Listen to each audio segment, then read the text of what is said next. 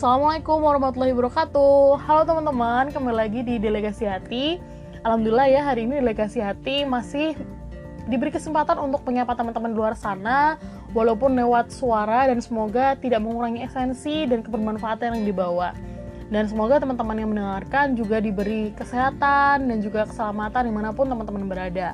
Amin ya robbal alamin.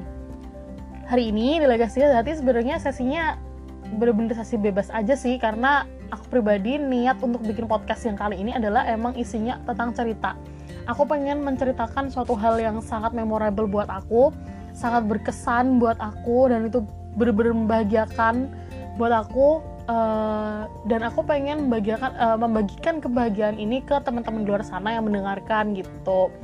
Karena uh, biasanya manusia tuh cenderung pengen cerita kalau misalnya kita tuh mendapatkan kebahagiaan gitu. Nah, itu sama kasusnya dengan aku yang sekarang jadi sebenarnya uh, cerita ini ada cerita masa lalu, tapi insya Allah masa lalunya nggak akan berat guys. Jadi relax aja gitu. Nah masa lalu yang hmm, kurang lebih pas sih satu tahun yang lalu, tahun 2019 dengan tanggal yang sama uh, dan bulan yang sama, insya Allah. Nah sebelum aku mau menceritakan tentang masa lalu, aku mau ngasih prolog dulu biar teman-teman nggak bingung dengan ceritaku yang nanti gitu. Jadi uh, alhamdulillah aku diberi kesempatan oleh Allah untuk mendapatkan suatu beasiswa uh, namanya Kader Surau. Tapi sekarang udah berganti jadi break scholarship sih. Kader Surau yang itu uh, diprakarsai oleh salah satu yayasan Baitul Mal sebuah bank di Indonesia. Nah uh, ketika kita menjadi salah satu awardee beasiswa Kader Surau ini ada yang namanya uh, semacam agenda penyambutan uh, training dan pelatihan dan sebagainya itu yang disebut dengan Sarasaya Nasional di mana kita ketemu sama teman-teman awardi kader surau se-Indonesia. Tempatnya di mana? Itu di Bogor pada tanggal berapa ya 17 sampai 21 Juli kalau nggak salah. Sekitar lima hari kita di Bogor. Agendanya itu banyak banget dan itu uh, ya teman-teman bisa membayangkan lah itu tentang pelatihan dan kemudian penguatan uh, mental dan sebagainya seperti itulah. Nah, uh, ceritanya ada salah satu agenda yang dilaksanakan di Jakarta.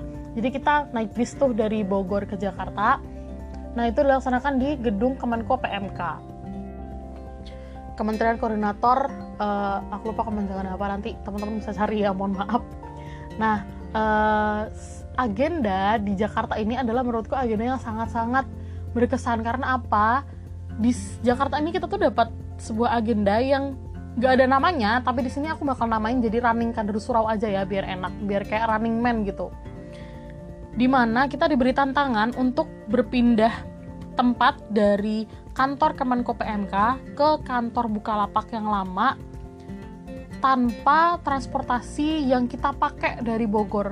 Jadi kita nggak boleh naik bis ini, bis yang kita naikin dari Bogor ke Jakarta itu, tapi kita diberi tantangan buat menggunakan transportasi umum di Jakarta. Pakainya Transjakarta sama MRT. Karena waktu itu bulan Juli tahun lalu itu lagi hype-nya MRT, maksudnya uh, eh, MRT lagi baru-baru banget dan kita tuh kebanyakan anak-anak yang uh, belum pernah ke Jakarta jadi kita pengen lah ya merasakan naik MRT gitu. Terus alhamdulillah di uh, eh, ACC buat naik MRT tapi dikasihnya tuh tantangan. Jadi kita ditantang untuk cepet-cepetan pindah dari tadi Kemenko PNK ke Bukalapak itu.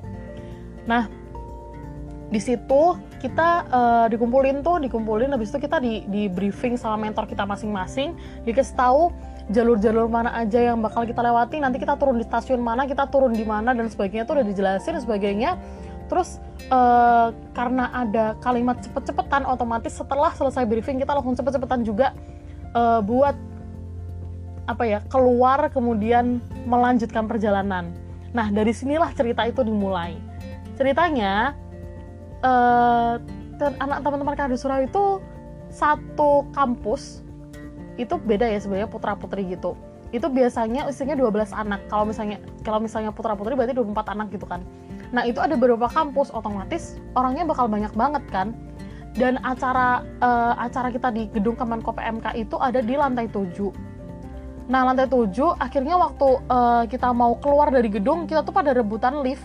Kita rebutan lift dan uh, sebenarnya mayoritas yang pengen pakai lift tuh sebenarnya anak perempuan sih anak cewek akhirnya uh, apa namanya biasanya cowok-cowok me, apa memutuskan untuk turun tangga kayak gitu nah dari sini sebenarnya itu uh, dimulailah sebuah pertarungan antara kita semua untuk gimana caranya cepet-cepetan uh, keluar dari gedung dan sebagainya kayak gitu. Nah, jadi ceritanya aku sama teman-teman aku dari kampus itu udah uh, ngantri di lift duluan kan. Kita udah mencet tombol lift ya kayak biasanya gitulah ya.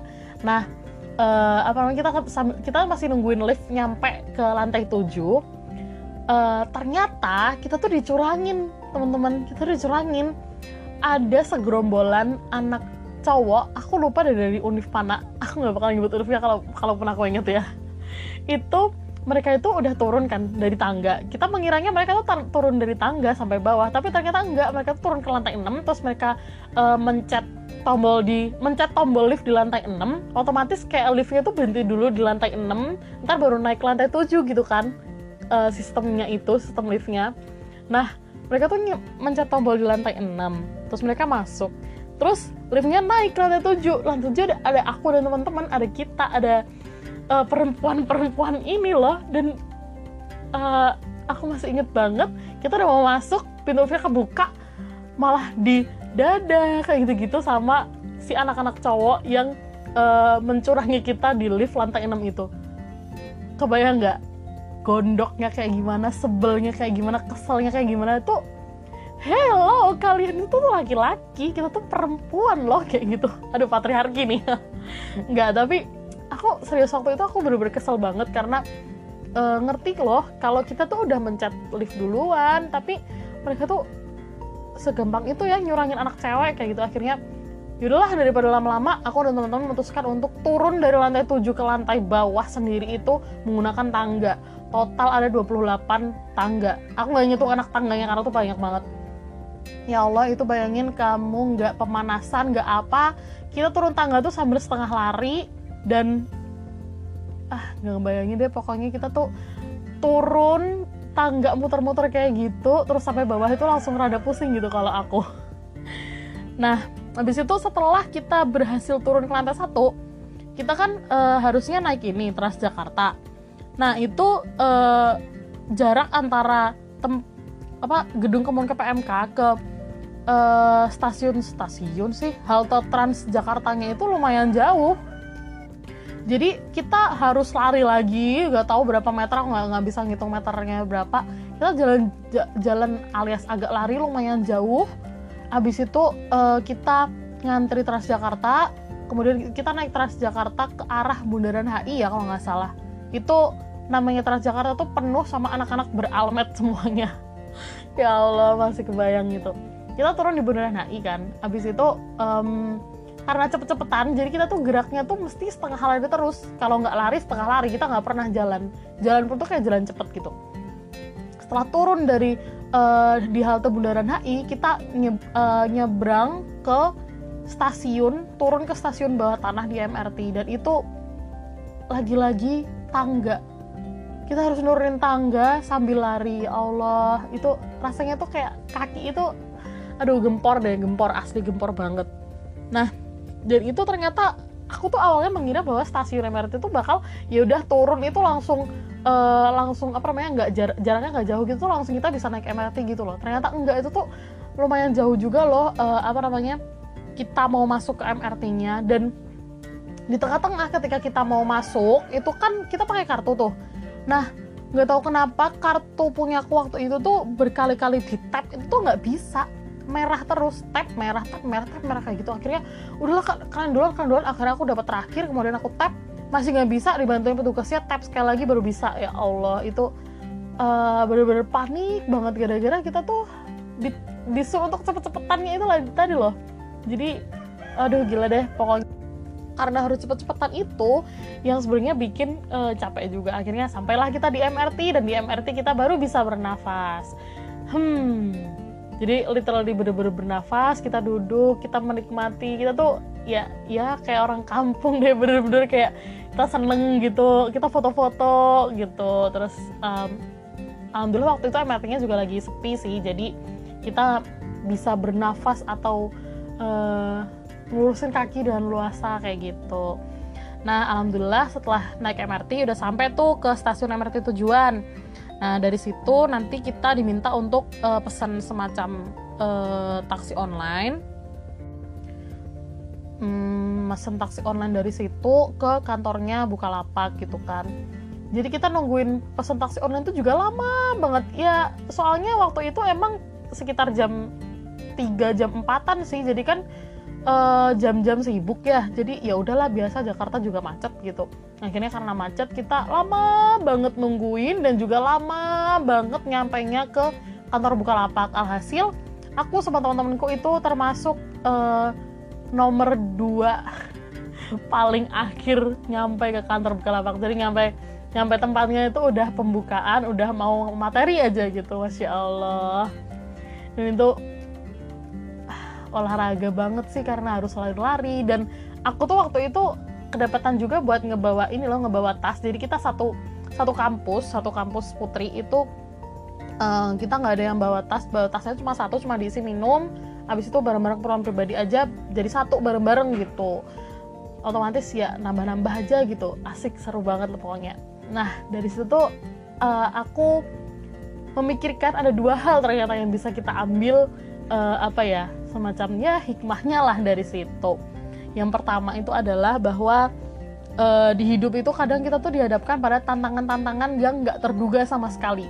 Contohnya kayak tadi, kita, uh, emang sih kita min, uh, teman-teman semuanya ini pada minta kalau kita tuh pengen naik MRT, tapi kita nggak pernah menyangka bahwa kita tuh dikasih tantangan uh, running kader surau tadi itu kita nggak menyangka kalau kita dikasih tantangan buat cepet-cepetan nyampe ke Bukalapak uh, dengan menggunakan segala uh, dengan menggunakan transportasi yang kita nggak pernah naik sebelumnya gitu. Kita nggak pernah menyangka bahwa kita tuh diberi kayak gitu.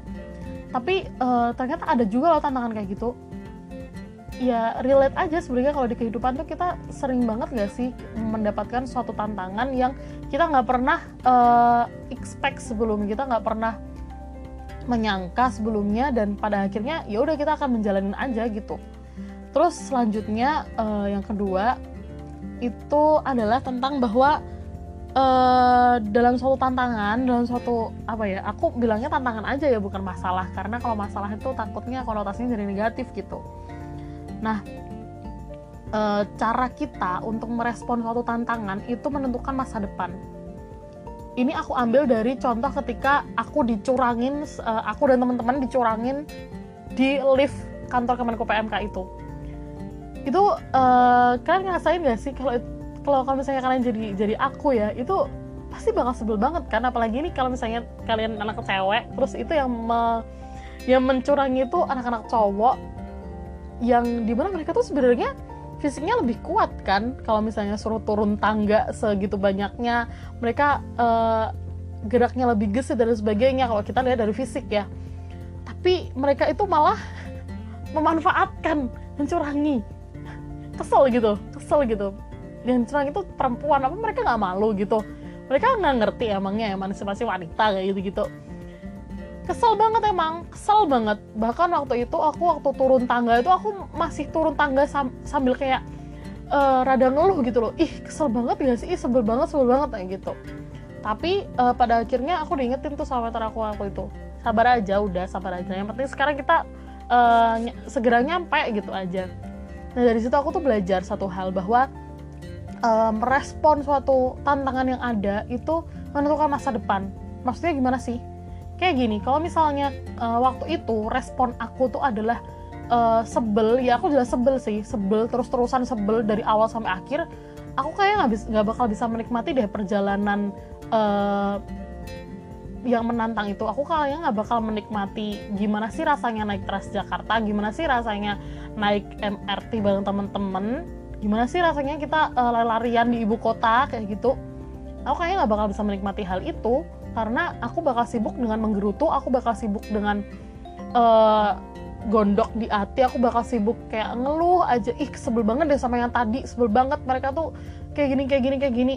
Padahal dengan padahal kalau aku nyebelin mereka pun tuh nggak bakal mengubah keadaan dia masa depan gitu dan kenapa aku harus pusing-pusing uh, membicarakan masa lalu pusing-pusing mengeluhkan masa lalu yang pada akhirnya tuh nggak ada efeknya gitu sama masa depan. Dan itu malah mengurangi uh, mengurangi diri aku sendiri buat menikmati masa depan. Kayak ngapain sih bahas masa lalu sampai kita pada akhirnya nggak bisa menikmati masa depan? gitu. Padahal kan di masa depan masih banyak hal yang bisa kita nikmati, kita syukuri lainnya. Misalnya kayak tadi uh, pada akhirnya kita bisa uh, seneng-seneng di MRT kita foto-foto, kan itu harus kita nikmatin ya. Jarang-jarang loh kita uh, bisa naik MRT se apa namanya sesepi itu dan momennya itu pas, momennya itu bukan sekedar naik aja gitu, tapi ada tantangan di dalamnya. Kapan lagi kita bisa merasakan hal kayak gitu? Kalau nggak kita nikmatin sekarang, ya kapan lagi gitu jadi di situ aku uh, berpikir andai saja andai saja waktu itu aku dan teman-teman itu terus-terusan mengeluh meluh mengeluh dan uh, terus-terusan kayak sebel aja gitu. Justru kayaknya ini gak bakal jadi hal yang memorable sih. Memorablenya mungkin bukan tentang kebahagiaannya tentang apa yang kita nikmati tapi memorablenya tentang sakit hati gitu. Waduh bahasanya sakit hati nggak apa lah besar. Ya sakit hati sih sebenarnya.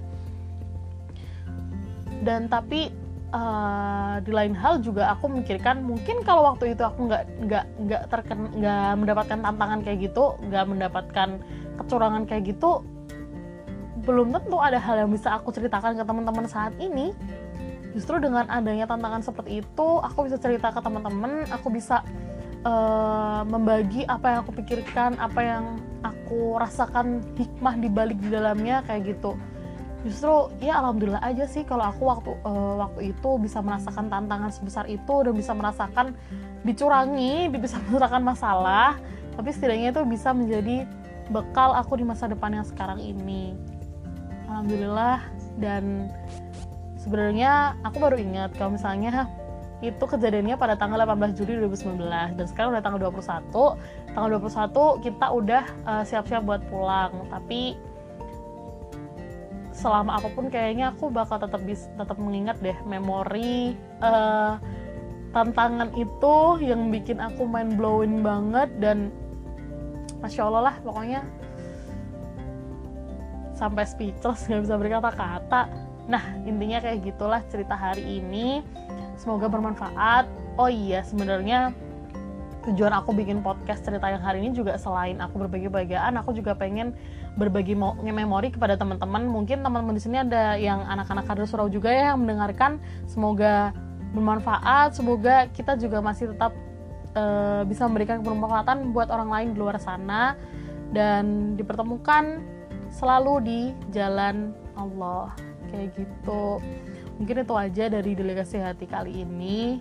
Mohon maaf ya kalau misalnya agak random ngomongnya tapi semoga tetap teman-teman bisa mengambil hikmah di dalamnya bisa mengambil hal yang baik di dalamnya dan hal yang buruk silahkan dibuang. Dan saya uh, mohon maaf sekali uh, bila ada salah kata. Seperti itu uh, mungkin cukup ya. Terima kasih karena sudah mendengarkan uh, delegasi hati. Karena semua ucapan berasal dari hati. Wassalamualaikum warahmatullahi wabarakatuh.